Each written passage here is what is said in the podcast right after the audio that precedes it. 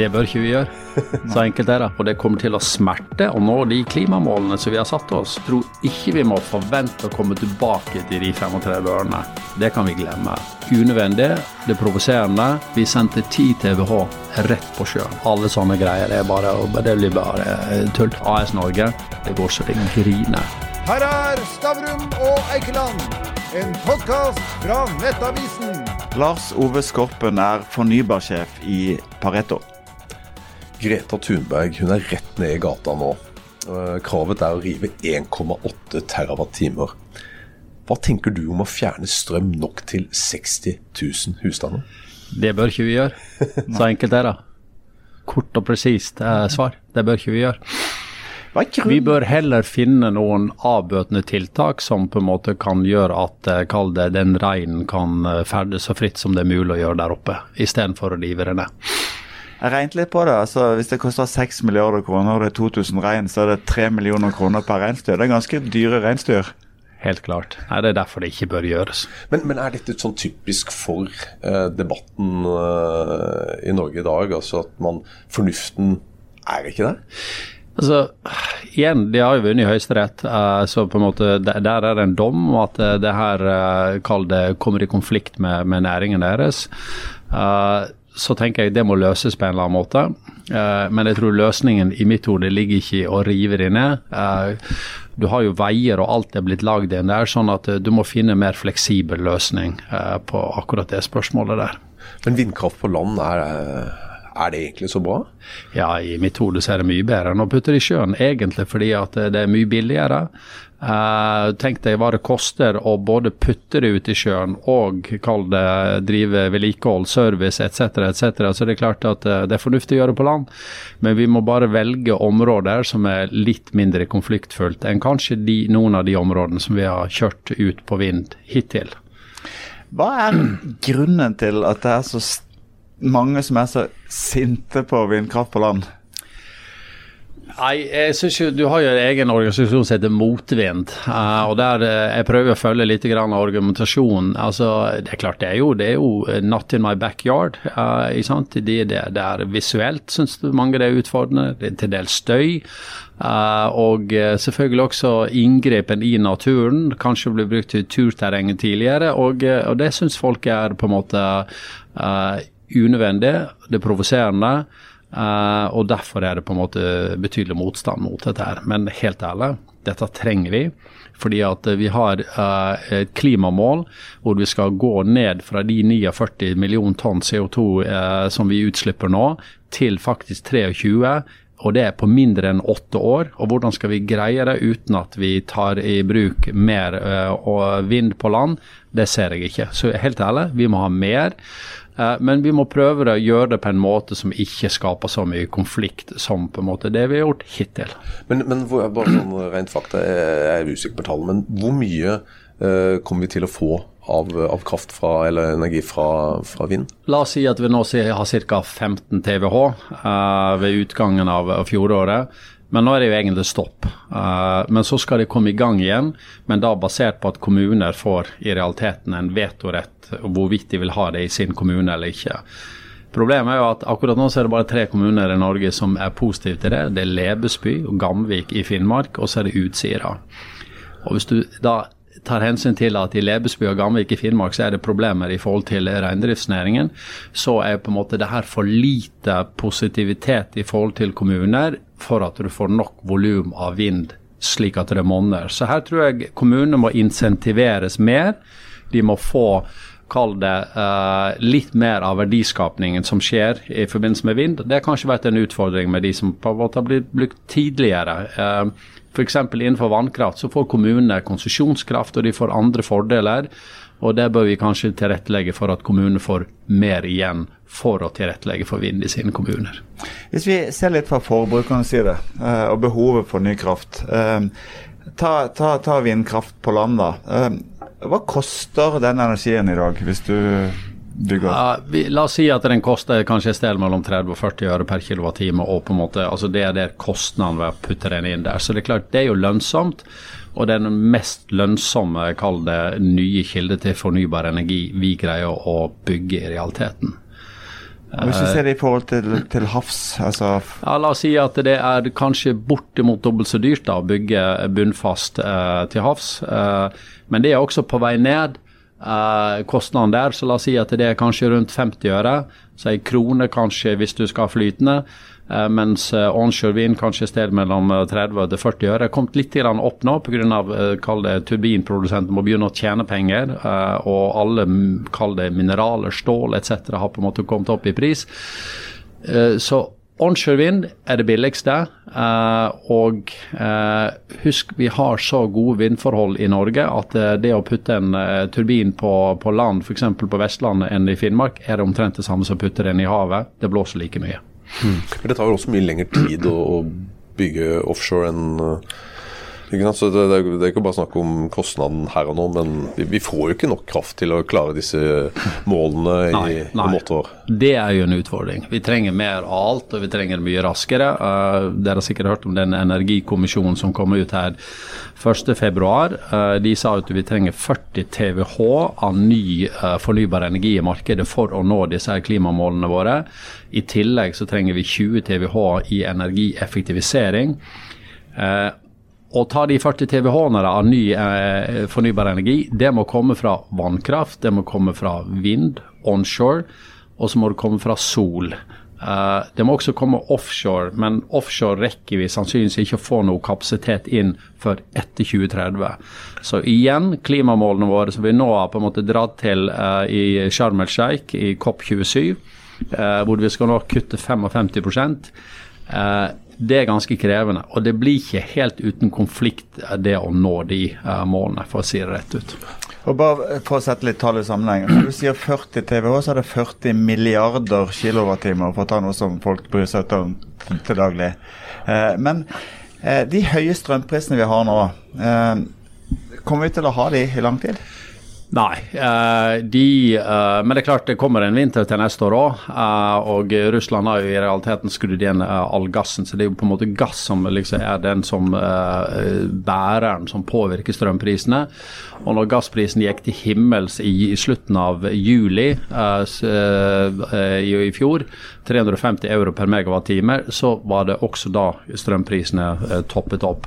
Siden har de falt en god del, eh, men de er fortsatt ganske høye i forhold til historiske nivåer. La oss si at vi er på en måte kanskje Før vi kom inn i 2021 hadde 35 øre i snittpris de siste ti årene. Nå, hvis du ser på Ford-markedet, så må vi faktisk helt ut til eh, to, altså 2025 før vi kommer under 100 øre per kilowattime. Eh, så det er betydelig over kall det de 35 vi kom eh, fra. Og jeg tror ikke vi må forvente å komme tilbake til de 35 ørene. Det kan vi glemme. Vi må sannsynligvis forvente oss at de prisene kommer til å ligge mer i sånn 50, 60, kanskje 70 øre per kilowattime fremover i tid. Og det er bare kraften. I tillegg kommer I linjeleie. og tillegg så kommer elavgiften, så kommer nettleia og etc. Momsen oppå dette her. eh, Så dette er bare selve Så det betyr jo egentlig at hvis du tenker deg strømregninga som totalt, da, la oss si at den røftlig lå på ei krone, så kanskje den istedenfor skal ligge på, på 1,30 eh, fremover. Hva hadde du privat bundet strømmen på de neste syv årene, siden det er syv år alt går i nå, hvis du skulle gjort det? Ja, Det er et godt spørsmål. Eh, jeg tror Hvis jeg hadde fått den under 50 øre, så er det helt klart det klinka til.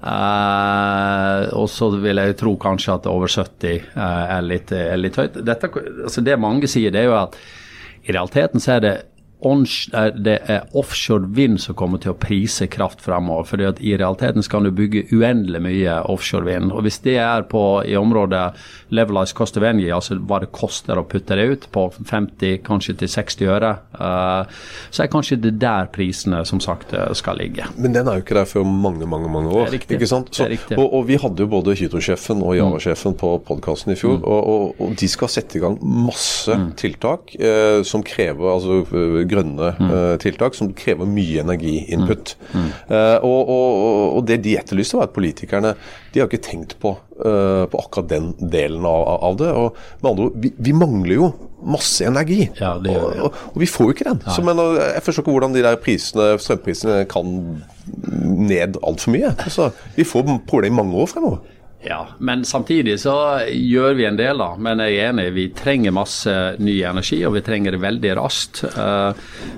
Det som på en måte typisk blir måten vi flekser dette her på, det er jo at Alcoa tar ned en linje på aluminiumsverket sitt, at Hydro stenger ned. Det er jo sånn i realiteten dette her kommer til å foregå uh, framover. Uh, det er jo ikke noe bra måte å gjøre det på, uh, men det er klart vi, hvis det blir, og det har jeg sagt hele tiden, alle som har spurt, vi kommer aldri til å få en blackout-situasjon i Norge. For vi har bortimot 40 TWh i kraftkrevende industri som egentlig kan stenges ned hvis det virkelig kommer til stykket. Men det er jo ikke sånn egentlig vi bør basere oss eh, på, kall det, er fremover. Det blir jo døden for industrien. Det er det de gjør. Det er det de gjør. Men det er jo mye bedre at industrien dør enn at du fryser i hjel. Så jeg skjønner jo det. det. det ja, ja, og det er jo det som er på en måte Hvis du kan unngå at industrien også dør, så er det hyggelig. Ja. ja. Nei, men det er en utfordring. Det er en utfordring. Og det er klart at uh, mange mener jo at uh, nå må vi ha, ha hele tiden et kraftoverskudd. For det er det ene som kan sikre oss lavere priser enn på kontinentet. Uh, og nå er det overskuddet i ferd med å bli spist opp over de neste fem-seks årene. Ifølge Statnett så er vi vel på minus allerede i Sør-Norge i 2026 og 2027 i Norge. Eh, og Da skal prisene være relativt høye, og de på en måte er jo mye mer lik det de er på kontinentet nå. Men det er jo Frankrike som har de høyeste prisene. Og jeg pleier å si at alle elektroner ønsker å komme seg til Paris, fordi at uh, der har de de høyeste prisene. Men pga. kapasitetsbegrensninger så når de ikke hit, dit, og derfor er prisene lavest lengst unna Paris, og så stiger det på vei nedover. Jeg stiller et litt sånn nerdete spørsmål, siden du er siviløkonom. Altså, en del samfunnsøkonomer mener jo at hvis ikke norsk industri kan leve godt med de prisene som er i Europa, så driver de ikke egentlig med verdiskaping. Hva synes du om det? ja, det Jeg har hørt på det argumentet, og det er klart at det, mange mener det er jo feil å, å eksportere aluminium uh, istedenfor å bare på en måte sende den strømmen direkte ut.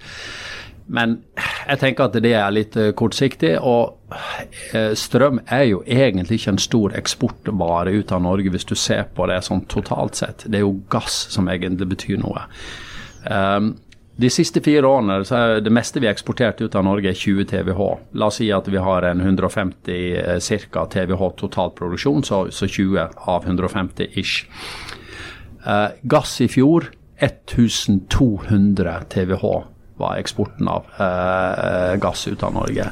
Så i realiteten, så i det høyeste året de siste årene, så er gassen likevel 60 ganger så uh, høy i forhold til volum energi som det er elektrisitet. Så egentlig, så litt sånn helt kynisk på vegne av AS Norge, så må vi bare ønske oss så høye strømpriser som eh, vi kan få. For det er bare en funksjon at da er gassprisene høye, og vi er massive selgere av, eh, av gass, så må vi bare huske selvfølgelig at Ok, men da må vi sørge for at de som betaler prisen, da, i form av oss, husholdningene, at ikke de lider unødvendig. Og til det har vi innført strømstøtten, som på en måte nå er 90% av pris over 70 øre. Det er vel også næringslivskunder som lider av det. Så, det og den har jo ikke funka så bra? Jeg Nei da, og det er klart at eh, jeg, jeg skjønner jo det. at eh, de som plutselig ser at strømprisene er kanskje fem og ti ganger høyere enn det de er normalt, eh, kalkulert med at, de klager, og det, og det, er full forståelse for. og Det er klart, det er en vanskelig balansegang for myndighetene. På en siden så håver de inn mer penger enn noen gang på gassen. På den andre siden så, så sitter folk selvfølgelig og ser på en mye med høyere regning.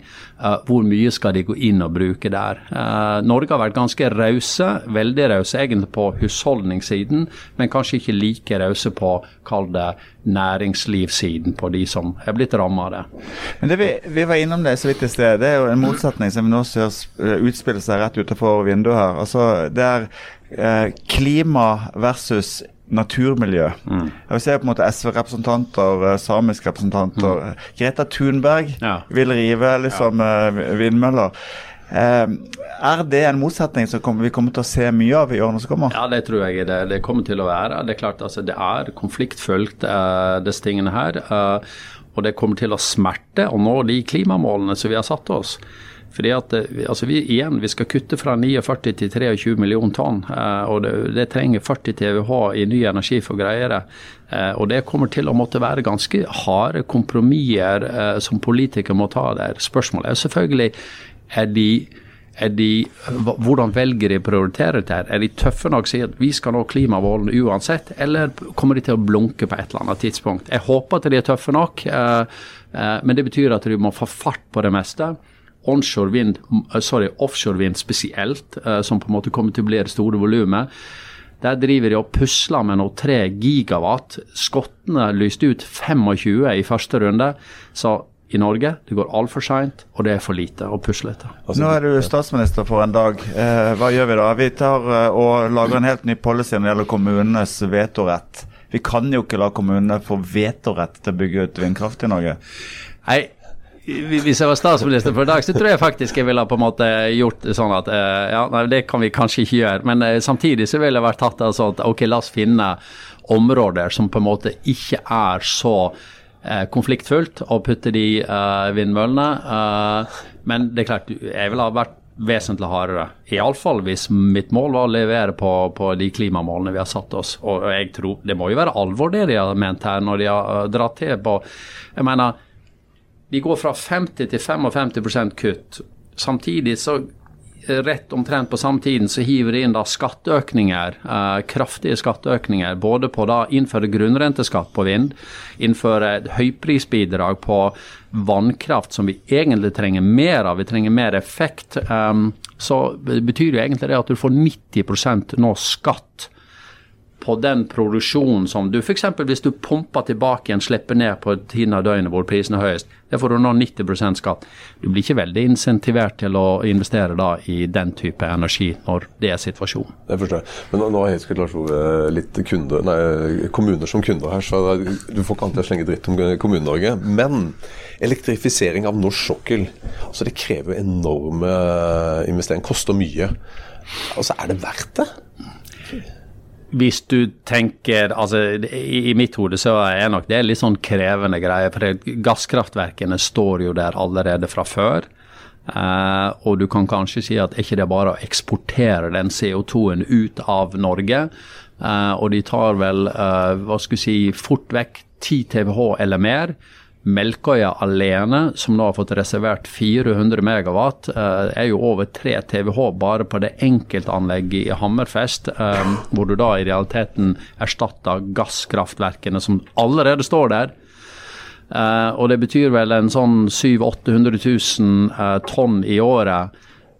Så, så, akkurat det her er jo, synes jeg, et krevende spørsmål. Er det riktig å prioritere på en måte et sånt anlegg foran alle mulige andre eh, kall det alternativer oppe i Finnmark? Uh, for det suger jo til seg nå mesteparten av den ledige kapasiteten som er på kraftsiden i, i, Finnmark.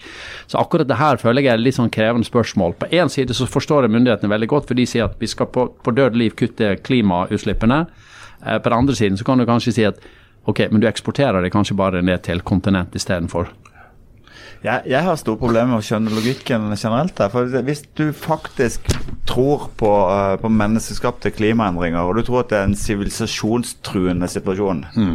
da kan du for fanken ikke drive og fikle med, med, med noen sånne særskatteregler som mm. faktisk hindrer at vi bygger det ut. Da mm. gjør du jo det stikk motsatte. Det er jo galskap. Jeg er helt enig. Jeg er helt enig. Og svenskene, finnene som på en måte egentlig vi konkurrerer med i forhold til uh, fornybar energi, de gjør ikke det ikke tanker om det samme engang. Så hele den grunnrenteskattgreiene, den gjør jo at, at, det er helt klart for de som da ser på ok, kanskje vi skal investere i Sverige heller enn i Norge, så det er klart de er nødt til å endre det. For det er ikke insentiver til å investere, og du trenger investeringer for å nå klimamålene. Ja, altså, vi trenger jo utenlandskapital. altså Vi sier jo i Norge vi har så mye kapital. Men ja, staten har det. Men mm. alene kan ikke de stå for å sponse batterifabrikker mm. eller sånn. Vi trenger utenlandskapital. Absolutt. Og, og vi snakka med en stor utenlandsk investor mm. forrige uke. og Han sa at uh, altså, nå setter de jo Norge i samme bås som Romania. Ja. Altså, folk er redde ja. nå. Uh, og da, da er spørsmålet struper regjeringa det grønne skiftet i Norge med å innføre en sånn grunnrenteskatt? Ja, altså jeg tror det er for, Særlig for de som har investert allerede og plutselig over natta får en sånn uh, kall det skatt i fleisen. nå er ikke den endelig vedtatt, så jeg tror at de fleste håper jo at dette her ikke blir noe av. Og så, Vi snakker jo med dem, og de sier jo rett ut til oss hvis det her virkelig blir vedtatt, så må de ta nedskrivninger. Og for flere er det sannsynligvis da kroken på døra. Det er konkurs. Og det er klart, det innfører en sånn skatt på mange måter så kan du si med tilbakevirkende kraft, egentlig fordi de har tatt investeringer i, under helt andre forutsetninger. Det er klart det er skadelig for, eh, for Norge. Uh, så Jeg hadde en diskusjon om dette her eh, for noen uker siden med en veldig stor investor i denne, denne sektoren. her, og så sa at, men God knows, om tre-fire år så er jeg kanskje ikke her lenger, og så har vi kanskje glemt det. Men, men vi har liksom gjort det. Gassled var jo ett eksempel, og nå på en måte gjør vi det igjen. ikke sant? Så det er jo ikke bra uh, i forhold til å tiltrekke seg utenlandskapital. Og husk, i dag så eier utlendinger 72% av uh, onshore vind. Uh, og uh, det er klart, de noterer seg hva som nå skjer. Uh, så jeg håper jo at myndighetene kan snu på dette her, men det ser jo ikke bra ut. Apropos onshore vind, mm. altså, eller vindkraft på land. Mm. veldig mange av den mye av den utenlandskapitalen er eid fra skatteparadis. Eh, er det ok?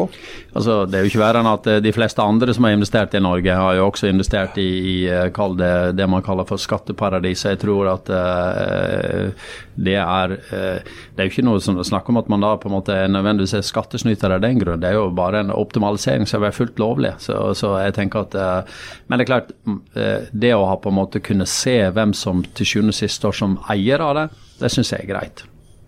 Jeg leste et innlegg i dag av en professor i samfunnsøkonomi som foreslo at vi burde ha, eh, lage en egen prissone for det han kalte gammel kraft. Altså kraftverk som er nedbetalte, som har liksom 10-12 øre per kilowattime, og liksom øremerke den for husholdningene. Mens vi burde ha et annet kraftregime for ny industri som betaler det det faktisk koster å bygge ut kraften i dag. Hva tenker du om sånt? Det er bare tull. Alle sånne greier er bare, det blir bare eh, tull.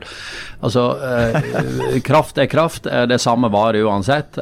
Så, så, jeg hører jo noen si at jo, men det har jo en kost på 11 øre å produsere vannkraft. Det er riktig. altså Konsesjonskraftprisen skal på en måte representere et snitt av hva vannkraft er.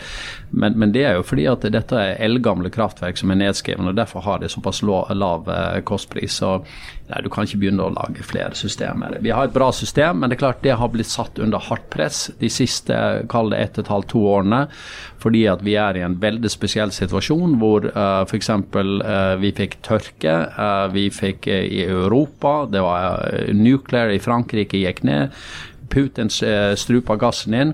Så dette er jo ikke en, en, situasjon som på en måte er varig. Dette er en situasjon som nå varer kanskje la oss si ett til to år til, og så er vi forhåpentligvis tilbake til en mer normal situasjon. Men Norge risikerer jo på sikt å bli en importør av kraft eh, fra, eh, kall det ja, kontinentet, eh, hvis ikke vi investerer mer. Og da vil vi iallfall sitte og se på samme priser som det de uh, har. Men vil vi ikke det uansett? Eh, vi kan ikke, ikke dekke kraftbehovet til Europa? Nei, men det er klart at hvis vi investerer eh, slik at vi iallfall på en måte ligger litt foran kurven eh, og kanskje har et overskudd, så slipper vi iallfall å på en måte de prisene direkte inn, sånn som ellers vil være tilfellet. Men vi, har en slags teoretisk kapasitet til å eksportere hva da, 50-60 TWh i året eller sånt? Så vi må ha et ganske stort kraftoverskudd for at, ikke, for at vi faktisk får kraftoverskudd i Norge? Ja, og det varierer selvfølgelig fra ett år til et annet, avhengig av nedbørssituasjonen. F.eks. i 2020 så eksporterte vi ca. 20 TWh. Men det skjedde noe annet veldig interessant det året. Vi sendte 10 TWh rett på sjøen.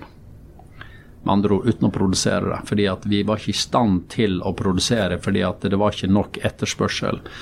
Eh, så på en måte det viser jo egentlig en situasjon som Hadde du da hatt enda større kapasitet, i hovedsak fra nord, ikke sant? for nå greier ikke vi å flytte eh, strøm gjennom Norge, eh, så hadde vi kunnet fått betalt for den kraften. Istedenfor sendte vi den rett i havet, forbi turbinen uten å produsere. Men Er det ikke jeg må spørre deg er det ikke, er det ikke et utrolig paradoks?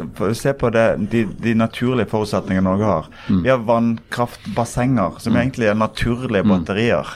Vi har ekstrem tilgang til, til fornybar strøm mm. som vi kan bruke til produksjon. Mm. Og så har vi batteriene i bakhånd. Mm. Hvis det er ett land i hele verden som burde ha uh, grei tilgang til relativt rimelig strøm, så er det Norge?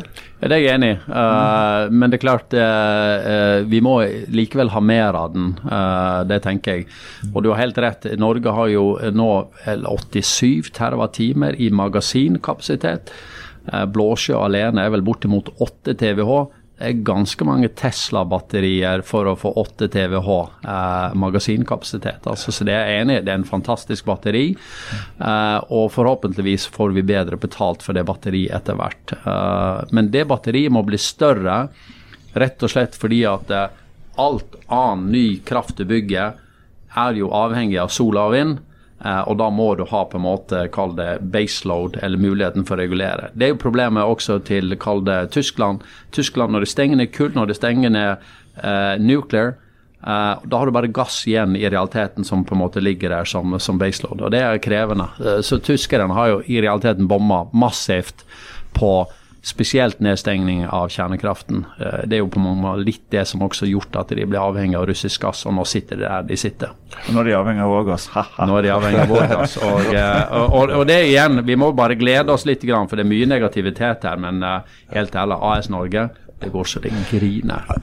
Altså, så, så, så, og Derfor har jeg også sagt at det, det gjør også om at vi må være litt rause tilbake igjen til kanskje grunnen til den gassprisen er så høy. Hvorfor er det det? Jo, fordi at Russland har invadert Ukraina. Så Derfor er jeg veldig sansen for at vi nå kommenteres det er litt sånn langsiktig støtte av Ukraina. fordi i realiteten, pga. det, vi sitter her og håver inn på gassprisen.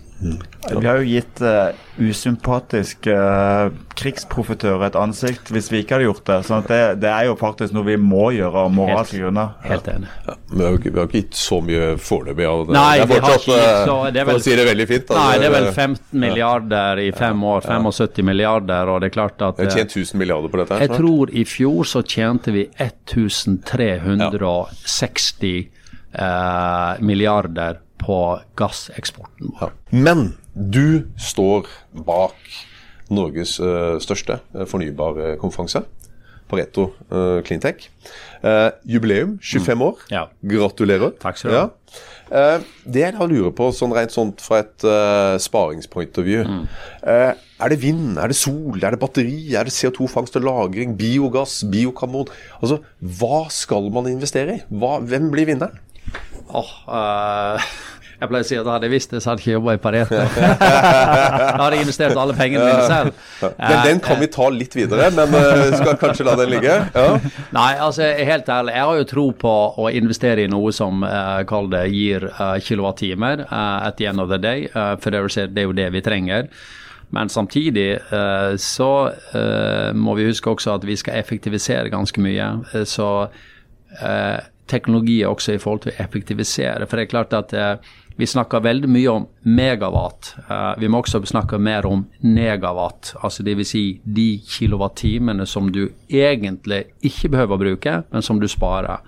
Så negawatt er et begrep som det bare å lære seg med en gang. Uh, og innenfor det å kunne ta ned forbruk, redusere forbruk, uh, teknologien for det, kjempespennende.